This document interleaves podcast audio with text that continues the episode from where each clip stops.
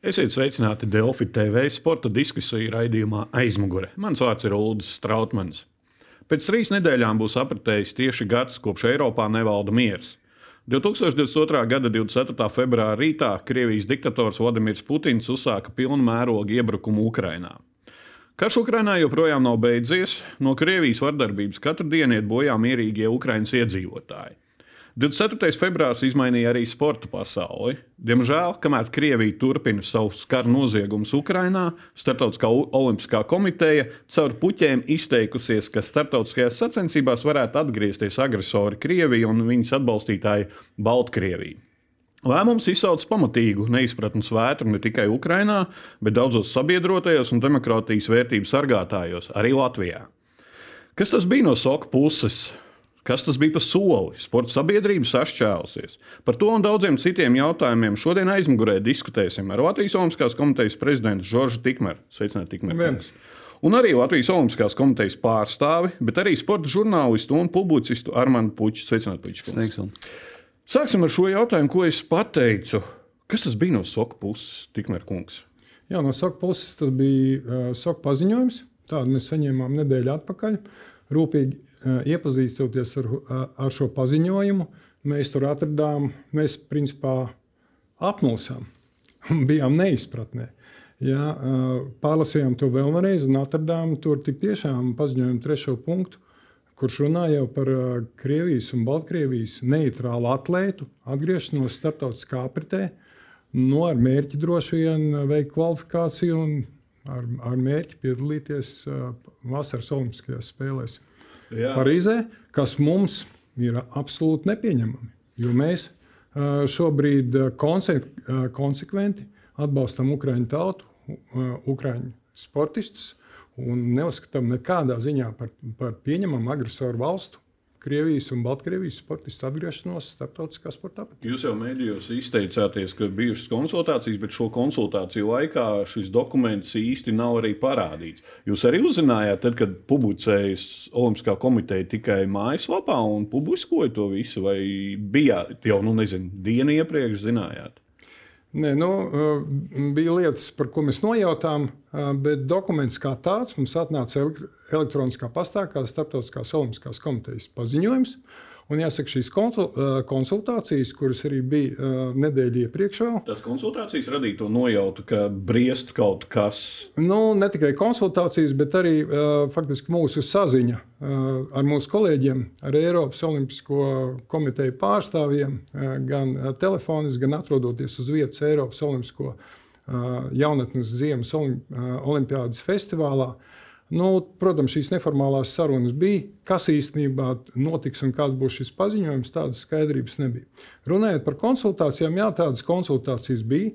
Tās veica Startautiskā Olimpiskā komiteja. Jāsaka, šīs konsultācijas ir tradicionālas, un tās saistībā ar, ar šo paziņojumu notika ar četrām tādām četrās diskusiju telpās. Pirmkārt, ar Startautiskās Olimpiskās komitejas biedriem, Tālāk atlētu komisija ar Nacionālo olimpisko komiteju atlētu komisijām. Tālāk bija atsevišķa konsultācija bloks ar Startautisko federāciju vadītājiem un ar Nacionālām olimpiskām komitejām. Uh, nu, kā tas bija ar, ar Nacionālajām olimpiskām komitejām? Nacionālās olimpiskās komitejas ir 206, piedalījās, ja nemaldos, 196, sarunas ilgums - 1 stunda. Varam izreikināt, cik apspriežamais dokuments. Ir nekāds, vai tā projekts netika piedāvāts. Bija skaidrs vēstījums nu, par saku pozīciju, ja, bez dokumenta un, protams, aicinājums brīvi debatēt. Uh, Armand, kas tas bija? Augsnes pētīšana vai informēšana, ka uh, hmm, klausieties, mēs te domājam, un jūs te tikai varat kaut ko pateikt. Tā, tā ir skaitā, bet uh, primitīvi uh, tā ir korupcija. Uh, mēs redzējām klāja uh, korupcijas, šīs te, uh, dažādas sejas, dažādo manieru, jo Krievija cauraudus ir ne tikai Starptautiskā olimpisko komiteja, bet arī šīs federācijas, kurās nu, notiek sporta lauciņa aprūpe un tam līdzīgi. Mums nevajag dzīvot ilūzijās, ka krieviem tas ir tikai sports. Visur, kur ir karogi pasaulē, tas viss ir politika. Olimpiskajās spēlēs ir karogi, tā ir politika. Krievijā sports, tā ir arī propaganda, ideoloģija, tā ir agresija. Caur sportu viņi veido savu iekšpolitisko fonu, un katra uzvara, Krievu uzvara, kas ir izcīnīta vienalga kādā formātā, piemēram, sportā, jā, tiek pasniegt ar diezgan, diezgan tādu asu politisko mērķi. Zināmā mērā tāpēc jā. arī dopinga skandāls ir radies, jo cīņa par šīm medaļām. Tieši tā, un, un, un tas ir pārnesies no augstā kara laikiem, jo nu, atgādināšu, ka moderna olimpiskā kustība, kā, tādā formā, kā šobrīd tā izskatās, sāka sevi pieteikt sākot ar Hitlera laika, 1936. gadu. Tieši šajā olimpiādē, 36. gada olimpiādē parādās šie ciemati, parādās karogi. Tas ir jaunatnes festivāls tajā brīdī. Bet tas, kā vēlāk, 70. un 80. gadu, vairāk, nu, 80. gada otrajā pusē, tas tiek komercializēts, labi, tas ir laikmets, ja, kurā, piemēram, nu, piesaist naudu, televīzijas tiesības, tehnoloģija laikmets, viss attīstās. Taču ir viena nianse par, par šiem tajā, par šīm te, šiem te agresoriem pēc otrā pasaules kara Japānu un Vāciju nolika pie vietas Londonas spēļu sakarā. Bez diskusijām. Nekādi baltie karogi, nekādi melnie vai biksītes vai zeķītes. Ja. Jūs izdarījāt pakalpojumu civilizācijai, pēdiņās liekot vārdu pakalpojumu, un tāpēc jums nav brīvi piedalīties, piedalīties šādā formā, jo nu, mazliet jau ir olimpiskais stāsts ir pazaudējis to savu pienesumu pienesumu. Tas vairs nav jaunatnes festivāls. Ja? Vairāk politikas tur ir nekā, nekā sacensības tajā sportiskajā nozīmē. Ja? Šie cilvēki, visi, kas tur piedalās, ar, ar ļoti maziem izņēmumiem, ir profesionāļi, tā sauktie. Viņi ar sportu nodarbojoties, it kā arī pelna naudu. Ja? Nav tā kā nu, pirmsākumos tas bija. Es nerunāju par kaut kādiem tur, Romas laikiem, es runāju par to pašu 36. gadu vai pirms otrā pasaules kara. Tie bija darba, jauni darba ļaudis, kuri tad, kad viņš ir beidzis evolēt kādu nezinu, galda kāju, ja viņš saka, ka viņš šovakar basīties un uzspēlēt. Ja. Tā kā tas viss ir mainījies. Labi, bet uh, nav stāsts par to. Stāsts ir šobrīd, kur mēs atrodamies. Paskatāmies kartē. Mūsu robežas ir ar Baltkrieviju un ar Krieviju. Ja, tie ir divi agresori. Tie, kas te mums taisās mācīt vai pamācīt lielā lielās valsts. Mums nav šajā brīdī jājūtās vainīgiem, kā uz mums paskatīsies, vai mēs neskrienam pāri. Man ļoti patīk, kā Latvijas Olimpiskā komiteja ir noformulējusi savu nostāju. Tā ir jāizturas pret apstākļiem, kādos mēs šobrīd esam ieraudzījis. Skaidra valoda, stingra, skaidra valoda, jo neviens nenomirs, ja neaizbrauks uz Olimpiskajām spēlēm, bet Ukrainā nomirs. Šie laikam fakti, ko Puķis minēja, ka Mums ir robeža Baltkrievija un Krievija. Tas laikam arī izskaidro šo, kāpēc mums Latvijas Olimpiskā komiteja ir šo stingro nostāju paudusi un ir nu, zināmā mērā kaut kur arī opozīcijā citur. Protams, protams, tas ietekmē, ja mēs esam pret atrašanos pelēkā zonā, pret tādiem diplomātiski veikliem un dažādu tūkojumiem jēdzieniem un skaidru un nepārprotamu šajos apstākļos atbalstam Ukrainu, Ukraiņas tautu, Ukraiņas sportu. Un esam, kā jau teicu, meklējam domu biedrus, un es ceru, ka mēs tādus, tādus atradīsim. Uh, šis paziņojums nāca izpildu komitejas vārdā.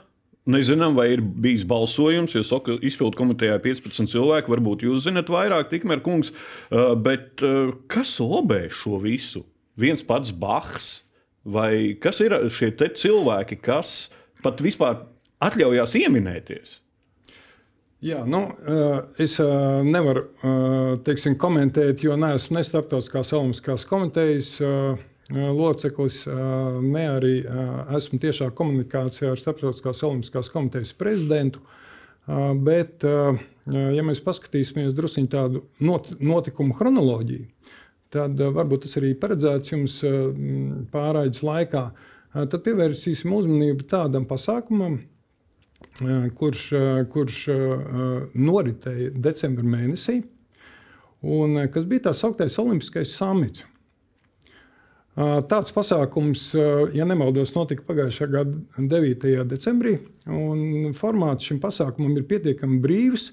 tajā pašā laikā nav skaidri noteikts šis dalības dalī, dalību šajā pasākumā. Tātad tur piedalījās gan Startautiskās Olimpiskās komitejas, gan atsevišķu Startautisko federāciju, ja nemaldos, pieci prezidenti un tikai trīs, trīs Nacionālo Olimpisko komiteju prezidenti. Tā ir skaitā Krievijas prezidents, Ķīnas prezidents, Nacionālās Olimpiskās komitejas un arī Amerikas Savienoto Valstu prezidents, kā arī citas starptautiskās Olimpiskās nu, komitejas. Jā, sadarbības partneri.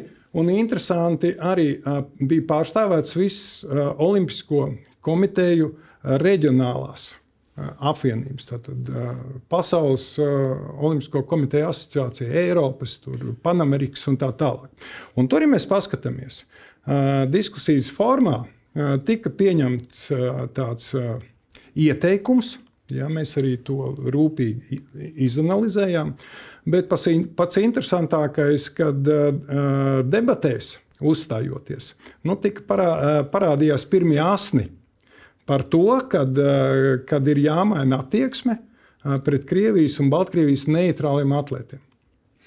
Šajā tikmēr kungā teiktajā izbrīnīja viens fakts. Krievija piedalījās.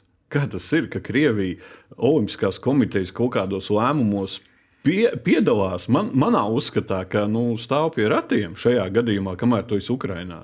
Izbrīns pilnīgi nevietā, jo noliekam malā sporta, paskatāmies kopumā. Nu, sauksim to par veco Eiropu. Ja. Kā karš atklāja vai atkailināja visas šīs sadarbības ar, ar, ar Krievijas naudu Francijā, Vācijā. Ja. Mēs, mēs redzam divas Eiropas lielvalstis, ja, kuras būtībā ir, ir, ir, ir korupcijas sēstas, un to ir veicinājusi Krievija. Ja. Mēs paskatāmies uz mūsu valsts, mēs redzam mūsu energoresursu atkarības problēmu, un mēs arī uzdodam sev jautājumu, no kurienes tās kājas aug? No nu, elementāra kolaborācija neviens nav atcēlis.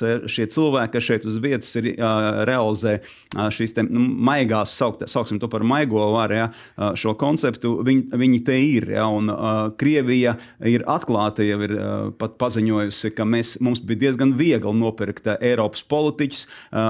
Briseles koridori ir pilni ar tādiem, kas, kas sadarbojās vai lobē Krievus un, un viņu intereses. Ja. Protams, ka nevajag sakāpināt to saistībā ar, ar, ar, ar kaut kādā mērā ar to, ka nu, nodalām atbalstām valsti vai režīms. Nē, mēs redzam, ka uh, mēs nevaram teikt, ka Putins viens, ja, uh, visa Krievijas sabiedrība ir, uh, ir, ir koža sēsta. Ja, tā ir, tā, būtībā mēs šobrīd runājam par pasaules attutošanu. Ja, mums ir jātuto šī pasaule no, no, no šīs ārprātīgās sērgas, jo tā nav civilizācija. Uh, tas, tā ir dzimbūšana, uh, un tas ir dzimbūšanas fašisms, ko mēs uh, redzam. Un šie cilvēki, šī impērija, Krieva, viņa tā nekad nav pazudusi. Ja, mums likās, tur pēc Pirmā pasaules kara visas impērijas ir izšķīdušas un, un atnākuši vēl sarkanie bolševiki, kas kaut kādā mērā vēl kaut ko Krievijas pusē izdara. Nē, Krievija nekad nav bijusi tajā civil, iekāpus civilizācijas kurpēs. Jā, civilizācijas kurpēs nekad, un vēl šī agre, agresīvā forma, augstprātība. Mums, mums ir jāsaprot, ja, cilv, ja cilvēki šobrīd nenovērtē šos apstākļus, ka Ukraiņi cīnās par mums, un mums arī Latvijā šobrīd, ja mēs paskatāmies valsts budžetu, mums nu, ņemiet kā gribat, tas ir tā ir kara ekonomika šobrīd, kurā mēs atrodamies. Ja mums daudzas lietas ir pakārtotas tam, kā mēs palīdzēsim, kā mēs savu kārtību stiprināsim saistībā ar, drošību un aizsardzību, un tajā pašā laikā mums jāpalīdz arī Ukraiņai. Jo Ukraiņa, tā ir nu, Ukraiņa asins tiesa, ja, kas palīdz mums palikt, vai arī, nu, ja kāds te diskusē, diskutē par sportistiem, viņu karjerām tam līdzīgi, nu, acīm redzot, tā jājautā. Jums ir vienalga, ka nākamajā, nākamajās Olimpiskās spēlēs, nu, labi, Latvijas nebūs, viņi vien zem Krievu karoga soļos. Atklāšana tikšanās vai startēs. Ja? Nu, Cerams, man, man, man nav kā latvietim vienalga. Uh, ja pieņemsim, jau minēju par Briseles koridoriem un tā tālāk. Pieņemsim, ka SOK izbīda cauri un no, notiek balsojums ģenerālajā asamblējā par Krieviju un Baltkrieviju. Krievija taču ieslieks savu mašinēriju iekšā korupcijas, FIFA, dopingais. Jā Un Uldi, tur būs uzreiz savs. Mums ir sava lieta, ko mēs varam izdarīt. Mēs nevaram ietekmēt uh, lielo spēles, bet ar pozīciju savu skaidru valodu mēs varam nodemonstrēt šajā situācijā. Un, ja citkārt, varbūt mēs varam teikt, nu jā, Latvija kaut kur iet pakaļ vai tam līdzīga, šobrīd uh, šis nav pašmērķis. Šobrīd tā ir stāja, kas no, nodemonstrē mūsu vērtības. Ja?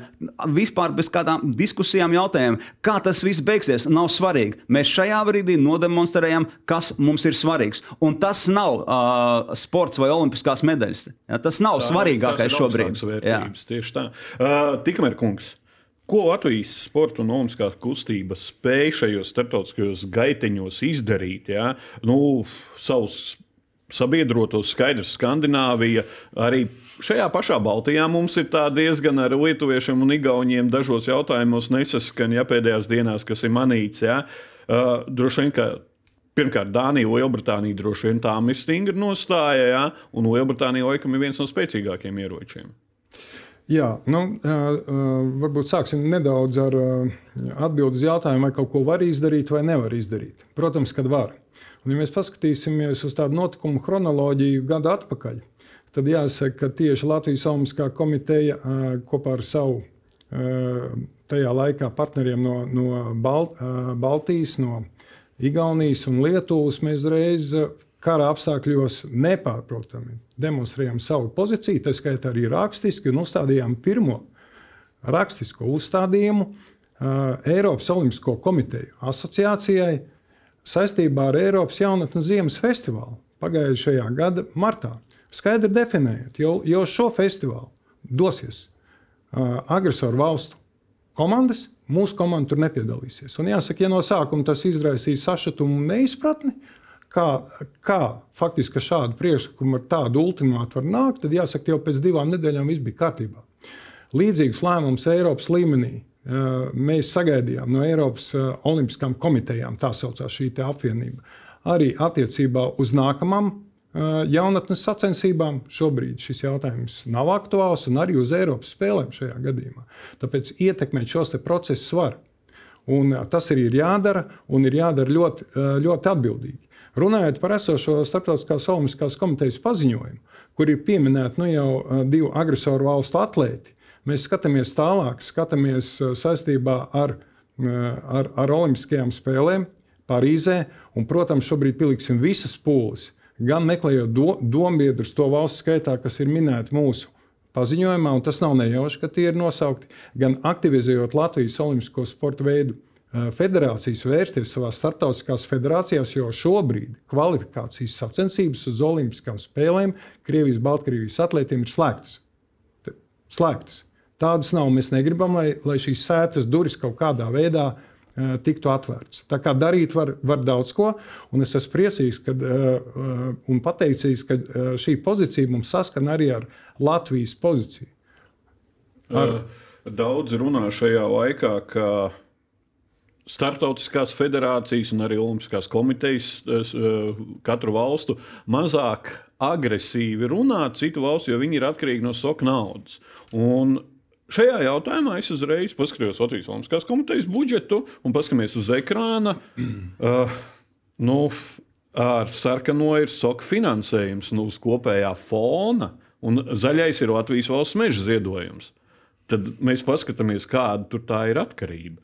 Nu, tā nav nekāda atkarība. Tas nav pat 10% no OLK budžeta. So, Starptautiskās Olimpiskās komitejas visā šajā stāstā fars ir tas, ka Starptautiskā olimpiskā komiteja ir sabiedriska organizācija.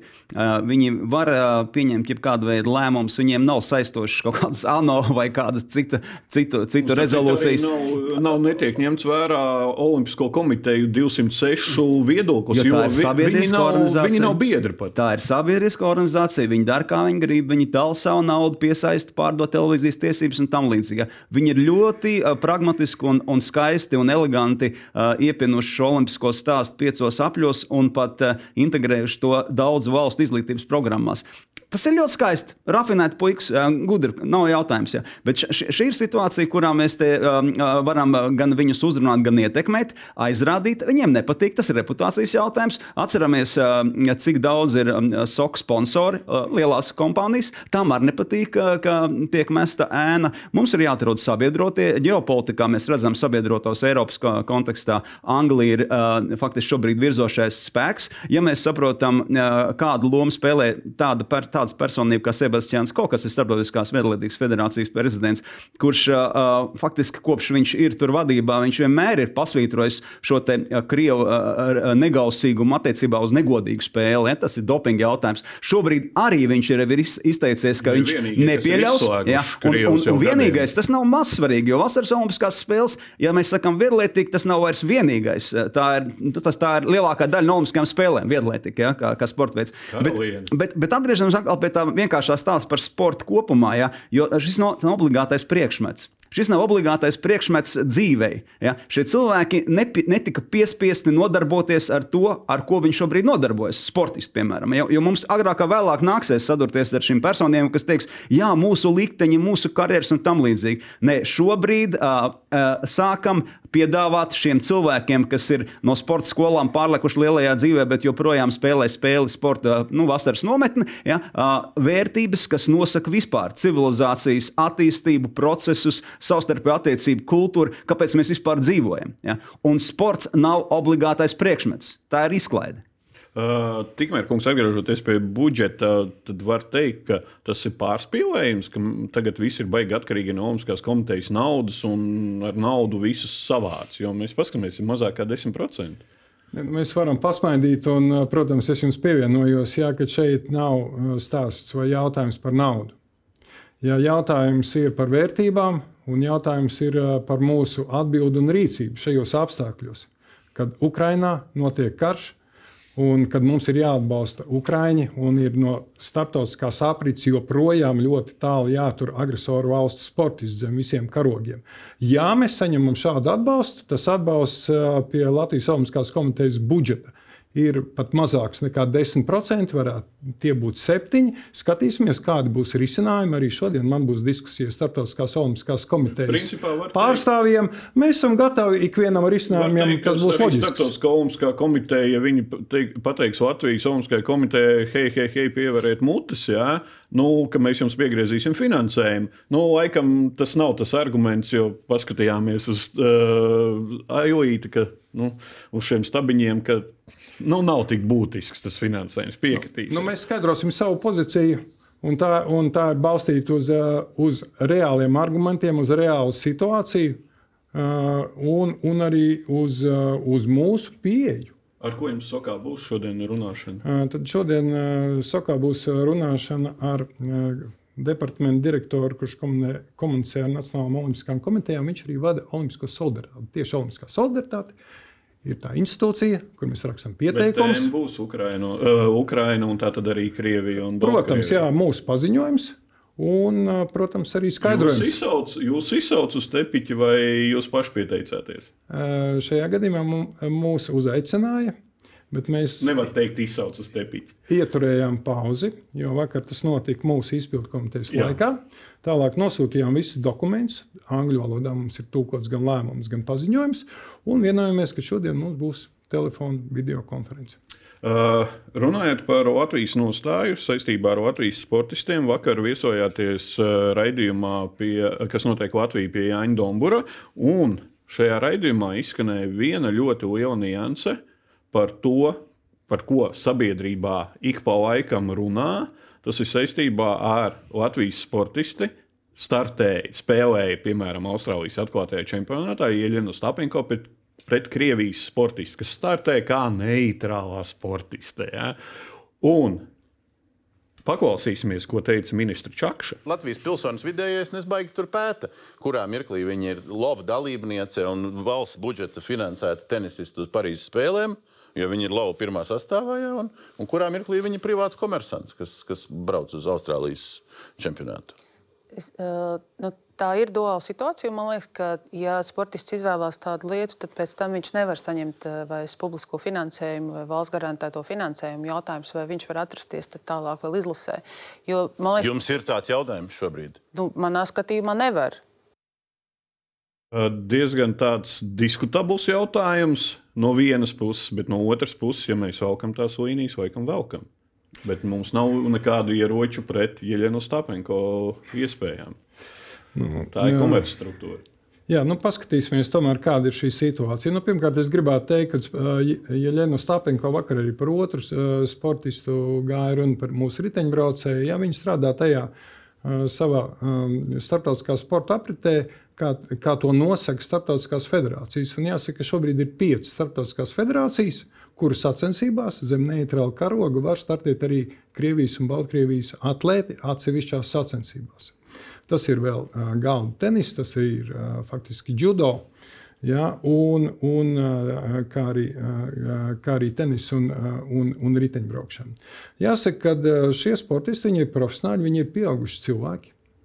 Un, mēs nedzīvojam totalitārā valstī, kur Latvijas Olimpiskā komiteja varētu pavēlēt viņiem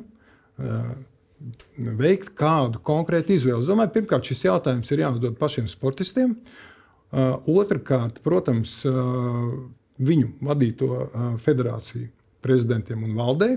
Un treškārt, treškārt, mēs arī esam precizējuši savu pozīciju. Runājot par abiem sportistiem un aizdīto 22. gadu, gan par riteņbraucēju, gan arī par tenisistiem, gribētu teikt, ka viņi ir pārstāvējuši pašos teiksim, svarīgākajās sacensībās Latvijas nacionālo izlasi.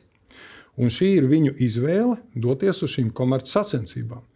Un, un, protams, ja es būtu tenisists, es esmu airētājs, nu, es šādā turnīrā nepiedalītos un uh, šādas spēles neveiktu. Bet viņi ir pieauguši sportisti, viņi ir pilnībā apzinās savu rīcību, par to ir atbildīgi un es domāju, arī dos savu skaidrojumu un redzējumu. Puķis, šajā gadījumā mums ir vēl vairāk, ja mēs ejam šādā, kā Ostapenko spēlēja pret Krievijas tenisistu.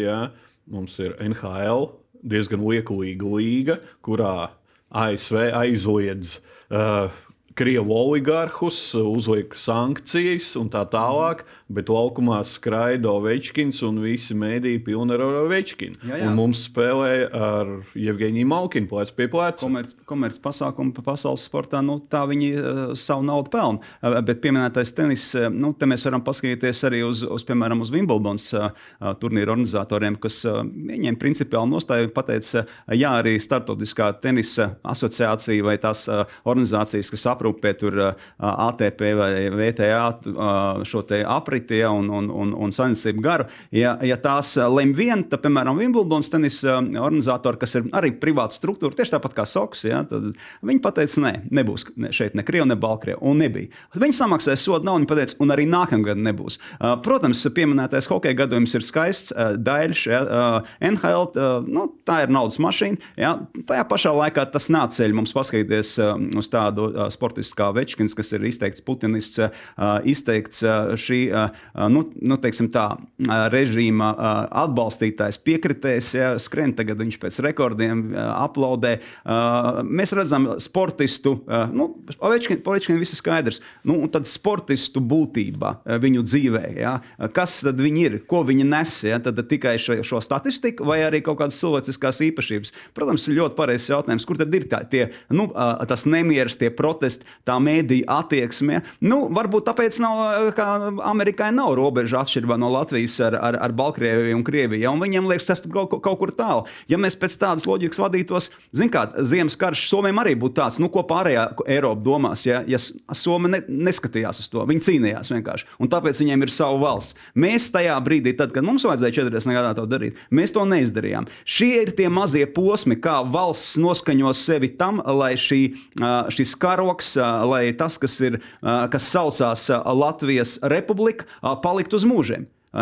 Te nav jautājums par to, kā uz mums paskatīsies, ko dara citi. Ja? Vai Večkins ir par Krimu vai nav par Krimu, nospļauties par to. Mēs esam šeit, šajā valstī. Ja? Mums ir sava pozīcija un nodemonstrējam mugurkaulu, jo bezmugurgalnieki tiek samīcīti, izspļauti, un mēs beigās soļosim zem Krievijas karoga. Un, ja kāds to grib, lai soļo tagad. Bet kopumā Latvijai vajag parādīt ar visu savu stāju un nostāju, Šo ka stāju. mēs to nepieļausim. Šo stāju visu cieņu. Jā, Man jā. patīk, kā rāda Latvijas Olimpiskā kustība. Vēl vienreiz uzsvēršu.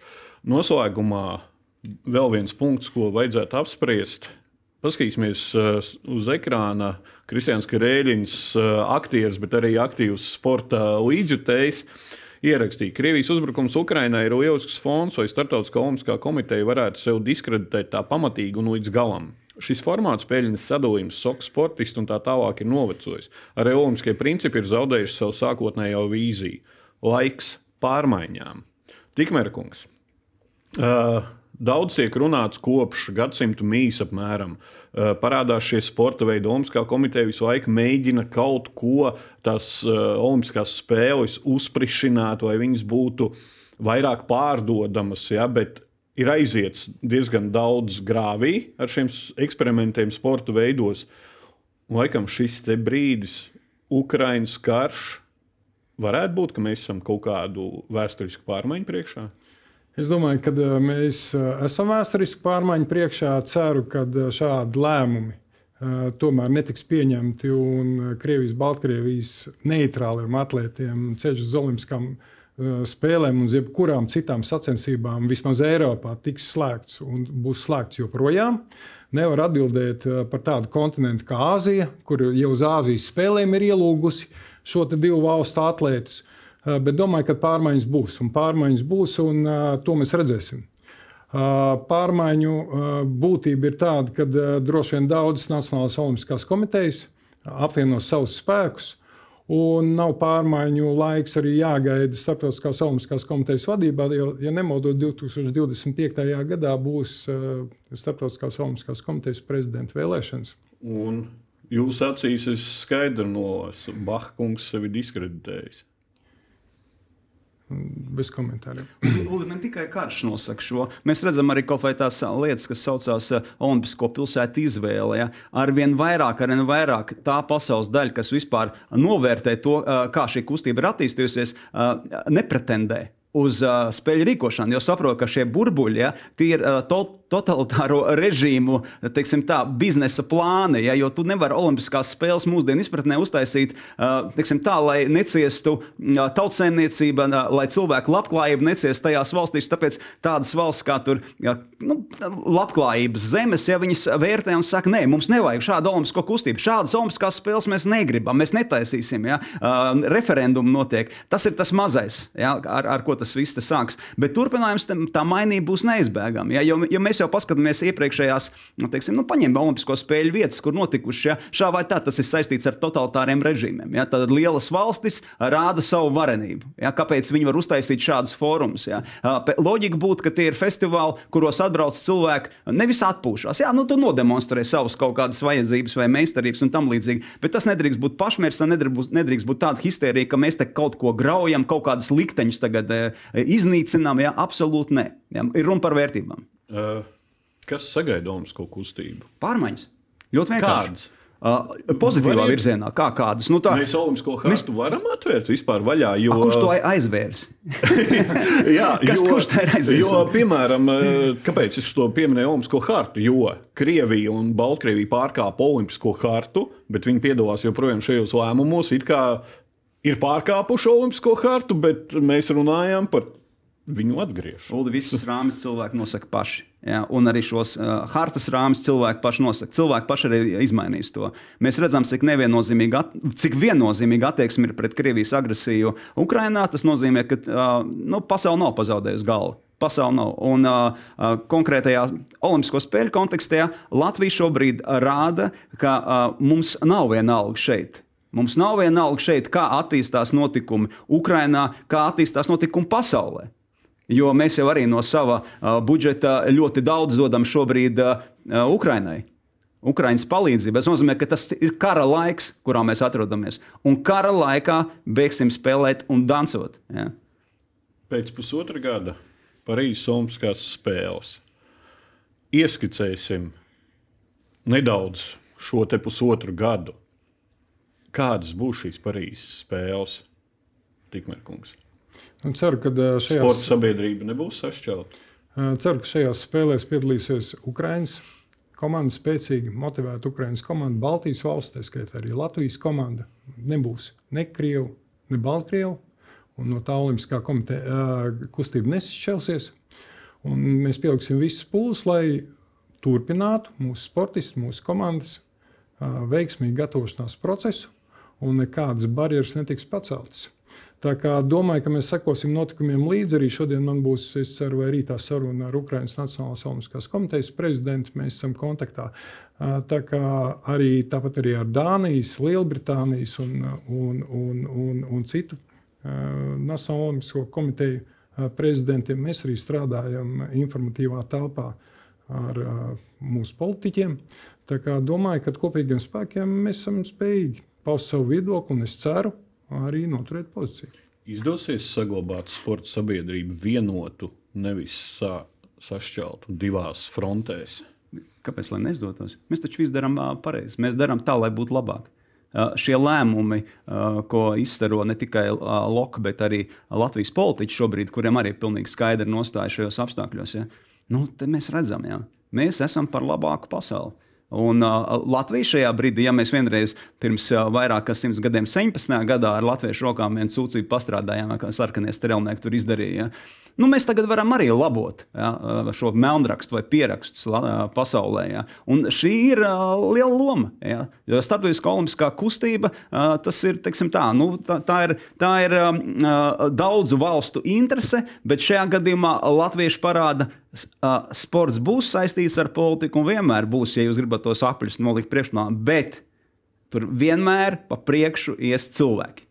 Vienmēr. Un cilvēks pāri visam. Un, uh, ja krieviem tas neinteresē, lielākajai daļai pasaules tas interesē. Uh, cerams, ka Startautiskā Olimpiskā komiteja nāks pie prāta un vispār nepieminēs vārdus Krievija un Baltkrievija, kamēr Krievijas armija atrodas neatkarīgās Ukraiņas teritorijā. Kungi, paldies par viedokļiem un priecājos, ka Latvijai atkārtošos ir stingrākā pozīcija iespējams visā pasaulē, uzreiz aiz Ukraiņas šajā olimpiskajā jautājumā. Šis bija raidījums aizmugure, kas katru ceturtdienu ir redzams Delfi TV un RTV ēterā. Raidījums aizmugure pieejams arī Apple un Spotify podkāstos. Mans vārds ir Ulrichs Strautmanis, lai mierīgi nedēļas nogala slavu Ukraiņi, gerojam slāvu!